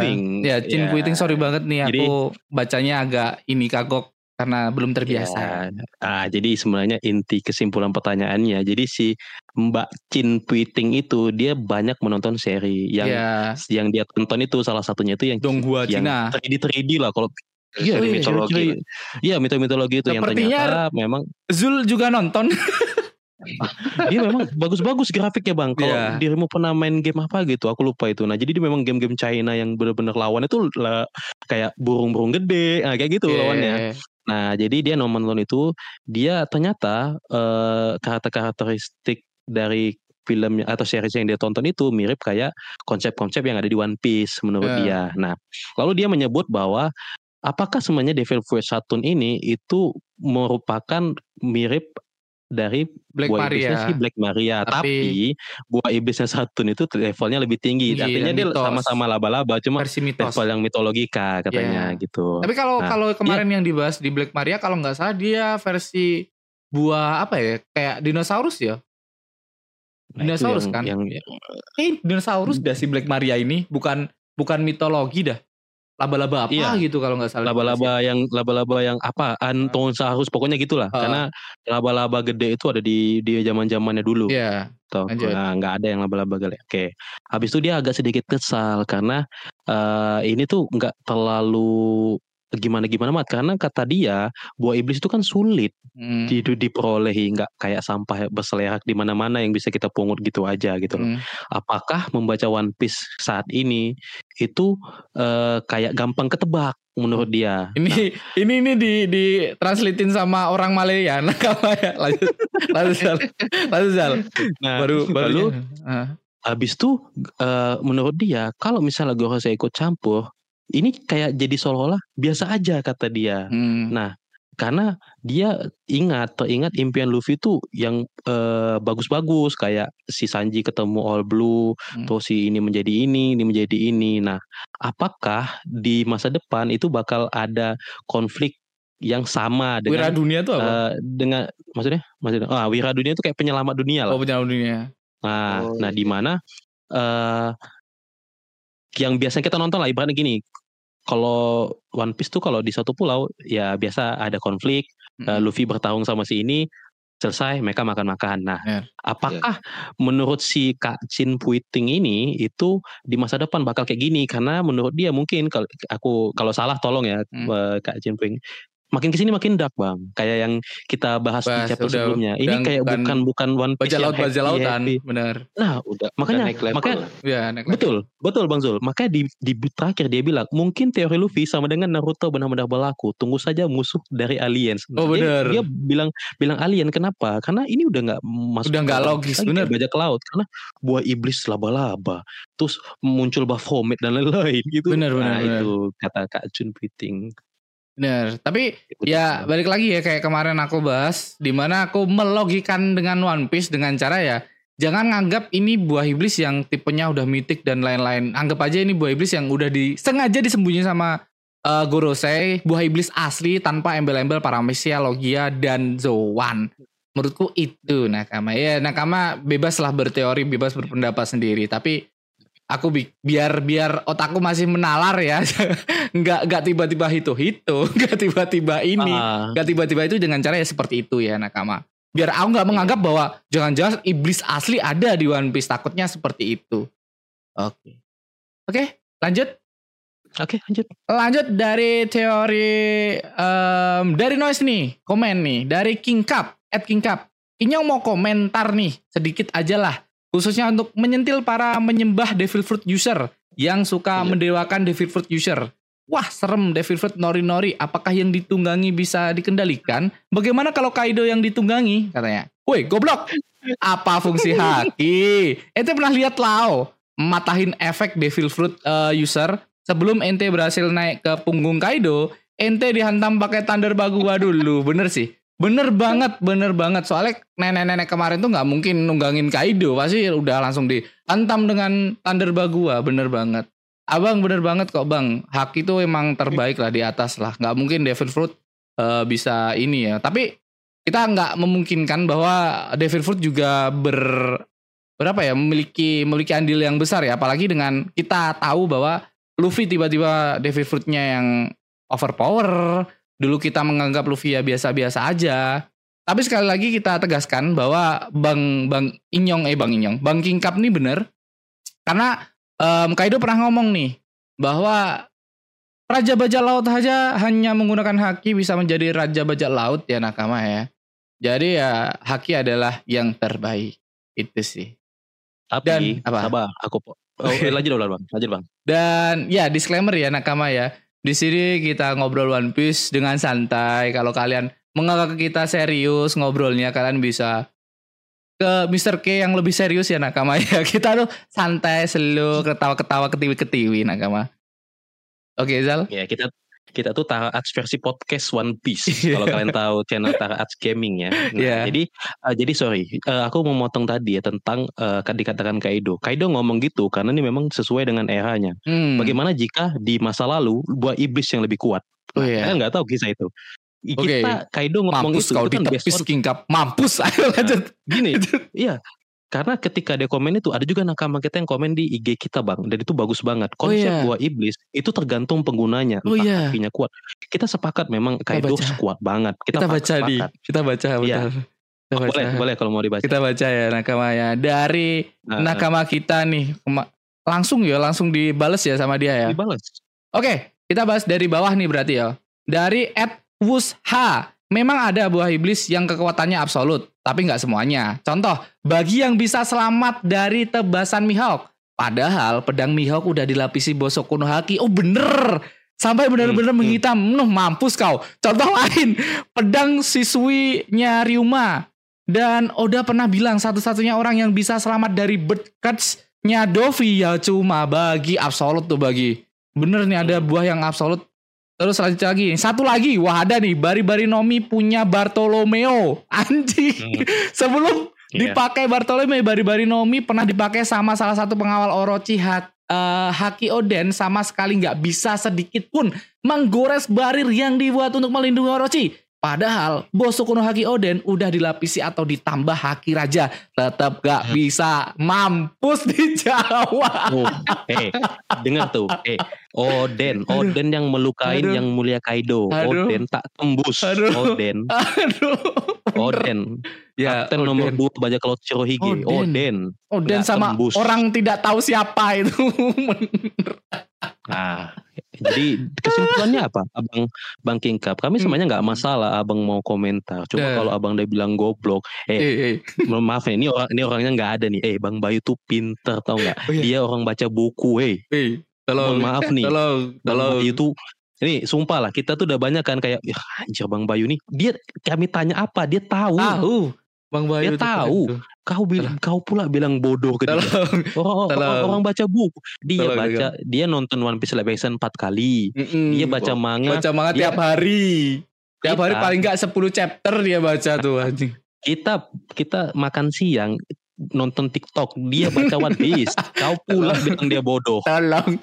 Tolong lah kawan, tolong, tolong. Ya, A- aku mending mending aku lah DJ Mm, tapi emang kalau kalau Mister uh, King Cup nih bener lah omongan dia bener tapi nggak nggak nggak gitu juga nggak terlalu frontal. Iya jangan Nih. jangan kayak gitu lah jangan bang. kayak gitulah bang. Ada- jangan sampai ke goblok goblok juga kita bercanda nih udah ditepis tapi tuh. bercanda doang. Oh ya ada yang komen ini dari Ed Bus Hai hey Busa tolong. Terima kasih telah menjawab ya. Terima kasih Terima kasih. Bukan- emang. bukan kita lah kawan yang menjawab ya. Bukan kita kita cuman cuman orang bodoh aja orang goblok ya. Oke Yang bodoh. Ya, kalau aku goblok emang lanjut lanjut lanjut. Ini dari Ed em, Aswin Santoshi Satoshi. Oh Aswin Satoshi sering komen nih. Devil Fruit Gorosei eh temanya kayaknya setan lawan dari Dewa Nika. Oh itu temanya. Untuk Hmm, Devil Fruit itu tadi. user walau kemampuan OP misal Bulgras oh yang kemarin yang menunggang tetap kalau lawan punya haki kuat bisa ditangkal. Lah gini bagus komen nih kalem santai chill nakama chill chill chill Ini Kayak goblok-goblok. Gak pakai goblok. Jangan ya, jangan. Tolong adik-adik, tolong. Tolong adik-adik terkedik-kedik ya, tolong. Oke, lanjut Eh, dari Ed Maulana Ahmad nih. Ternyata Luffy baru ini eh, baru ini niat ngelu ngelukai Kizaru. Teoriku buah iblis. Oh, Luffy baru ada niat ngelukai. Kemarin-kemarin enggak nih. Teoriku buah iblis Boni yaitu seperti YHCWA. Maksudnya? YHCW last boss ya Blitz oh dari Blitz Oh, last bossnya last bossnya dari Blitz kekuatan Hmm. Boni eh, dalam dalam Adalah. Almighty oh adalah Almighty yaitu menem- menentukan masa depan jadi Boni tiba-tiba punya pistol punya kabel karena dia merubah distorsi seperti yang kalian bahas di podcast teori Boni kemarin dia Ya, em, be- dengan bebas memiliki dia eh, Bonnie maksudnya di universe lain. Oh, jadi memiliki Mhm. Bonnie di universe lain yang membawa pistol. Oh, jadi ada Bonnie lainnya Ya. yang bawa pistol, bawa kabel oh gitu. Dia wujud Iya. wujudkan di kenyataan. Oh, gila gila gila. sebenarnya kalau eh, tadi siapa namanya? Eh, Dari Maulana Ahmad. Abang itu, iya Bang Maulana Ahmad. Sebenarnya kalau eh, abang Benar, notice benar. itu kami juga ada bahas bang. Mhm. Bagaimana jika sebenarnya kalau kita lebih sepakat bahwa iblis Bond itu jangan hito-hito lagi, Benar. hito-hito lagi, Jangan hito-hito. tapi Oda bisa menjelaskan secara fisika dan sains. Ini Benar. menunjukkan Oda itu memang benar-benar Bener, jenius. Kenapa? bener. Karena karena hukum fisika dalam dalam artian ruang dan waktu itu belum pernah ada loh dan itu OP banget. Maksudnya apa? Boni bisa masuk ke ruang dimensi waktu yang dia bisa memunculkan apa pun atau melakukan apa pun yang dia mau. Dalam artian makanya tadi kita bilang dia bisa memunculkan pedang, dia bisa memunculkan pistol yang menurut dia dia punya dimensi sendiri. Hmm. Contoh, kita kan kita main sempat bahas juga Bang Rama, Bang Zul. Iya. Eh, contoh ya, kenapa ada usia tua atau ada usia muda? Nah, Boni itu punya dimensi yang dia bisa edit-edit sesuka hatinya sendiri Bener. Sama Bang Zul. Iya. Jadi dia, dia memindahkan kakek tua itu. Sebenarnya kalau di dimensi di- misalnya gini dari POV aku ya, aku kan angkatan laut nih, aku udah dibikin tua sama Boni. Di POV ku aku masih muda bang, tapi di di maksudnya gimana? Karena Boni itu kayak mencek mensekap si Orang angkatan laut aslinya. yang dibikin tua ini, iya itu seolah-olah dia di di ruang di masa depan. Padahal bener. padahal kalau dari POV ku sebagai angkatan laut, aku tuh masih muda Bener. gitu loh. Nah ini Ya, ini konsep mungkin. yang menurutku kalau Masih- dijelaskan Masih bingung secara banget. awal sumpah. agak bingung memang. Bingung Tapi kalau- banget. Makanya sekelas Bang Bayu kemarin agak agak agak bingung Pusing. nih. Makanya Makanya. kita bingung. Makanya semakin ke sini kok makin ngaco ini buah iblis ini. Hmm, kok buah bisa iblisnya makin- memanjangkan ini. Makin Tapi ini. sekarang nih. bisa ngespon ngespon. Dia Iya. bisa ngespon ngespon ini. Uranus. Oh, waduh, waduh, waduh, waduh. Oke, lanjut dia juga berkomen nih. Ternyata Kizaru cuman buat Luffy di buff katanya. Biar si satu nggak langsung mati anjir. Masa iya Gorosei Oh. langsung mati di sini? Jangan dong. Jangan, jangan. Kuat Terus itu. Kata dia ironis yokai atau setan yang menyebut diri mereka dewa. Wah, ini sih keren nih. Masa dewa tapi yokai. Lanjut Nakama. At Mamams. Bang, bahas dikit Kagura Bachi, please. Kagura Bachi itu apa? Gue baca itu apa? tadi, Po. Eh, Kagura Bachi. manga baru itu, Kagura Oh, Bachi. manga baru. Manga Soal baru. oh, manga baru yang ah, yang ini Iya, ya Bang Zul yang katanya bakal jadi the big three new. ya ya. Oh. Oh, Oh, oke. Aku nggak bahas Ah, ini nggak bahas anime orangnya- sebelah ya Nakama ya, tapi Ini mungkin ini- aku ini. bakal baca sendiri oke. Iya Bang Bang Rama. Jadi ini biasanya nih kalau misalnya Bang Bayu ada pasti tahu nih. Iya, Bayu nih, tuh nih, baca nih, nih. Masih tuh. juga masih juga bilang goblok dia. Bayu baca. Hei, Bayu oh, aku tahu apa? tuh katanya anime ini. Ah, udah tahu Nah, dia. Manga Bayu- Monster aja yang baru rilis ini udah baca. Bayu anim tahu. Kalau manhwa, manhwa kayak dongwa tadi yang 3D tadi nggak tahu kayak Bayu. Nggak Nggak tahu dulu. Jepangan doang kayak Bayu nih. Lanjut, lanjut Nakama. lanjut lanjut. Dari Ed saya Luffy nih. Eh, kalian terlalu sibuk dengan Gorosei padahal di Ed Head ada Kang eh, Kang Pulung Blackbird. Oh iya, Ampun. yang masih belum kelihatan datang eh, batang hidungnya anjing bener. Otak Albert Einstein pernah dicuri Albert Einstein eh oh otak Albert Einstein pernah dicuri. Albert Einstein Iya, adalah pernah. seorang jenius yang pernah eh, dimiliki dunia sampai di saat dia sudah meninggal pun otaknya pernah dicuri untuk menjadikan bahan penelitian dan pelakunya adalah seorang dokter yang bernama Thomas Harvey. Bukan hanya otaknya yang dicuri, tapi kedua bola matanya juga diberikan ke salah satu dokter mata untuk dijadikan bahan penelitian. Lanjut. Teori, Blackbird pergi ke Head untuk menculik Vegapunk untuk setidaknya pang record yang mereka ambil alasannya untuk sebagai bahan pertukaran supaya pemerintah dunia mengakui kedaulatan negara yang dibuat kalau hanya mengandalkan gap rasanya belum cukup ataupun kalau iya. gap masih hidup. Untuk teori kekuatan Boni kayaknya ini perubahan sama Ending. teori yang pernah eh, dikemukakan Einstein tentang waktu yaitu oh ini ini ini ini yaitu teori relevansi rela- rela- relativitas umum relevan. walaupun belum 100% benar eh, kayaknya udah eh, mensting eh, instingnya men-setting oh men-setting. men-settingnya ke situ. Gua nggak bisa jelasin lebih lanjut karena pas pelajaran fisika adalah saat yang tepat untuk tidur. Abang-abang bisa Betul. cari di YouTube. Anjing. Saya Luffy tolong. Masa kita yang cari tolong kau cari sendiri ya. Ntar kirimin ke kita biar kita Nah. bahas juga. Oke teori relativitas itu aja em, komen dari nakama-nakama sekalian. Ada lagi kah komen dari Instagram tidak ada kayak itu aja nakama Gila gila gila. Keren-keren Gila, gila, komentar gila. komentar kalian Keren, ya nakama ya. Dan sudah ditepis ya nakama komentar goblok. Eh tol- tolong ya yang goblok tuh cuman aku. Jadi teman-teman saya tidak goblok dan aku sudah menggambar ya. Menggambar untuk me- membuat Mas ini biar tenang ya. Gambar Laksamana Udah. Madia Blugas Udah yang Kaido deh. menunggangi Kaido udah menunggangi Kaido dia nakama. Jadi mungkin itu, aja. bisa tuh. Itu bisa tuh menunggangin Kaido. Oke. Mungkin itu aja nakama pembicaraan Ya. kali ini ya nakama dan teori-teorinya mungkin segitu aja. Dan ini ada teori dari em, internet yang telah sebar luas. Oke, Mm-mm. sekian. Ah, nama saya Ramatung. Saya Rizal Alam. Karibo. Karibuan bye bye nakama. Bye bye. Bye Bye bye bye bye.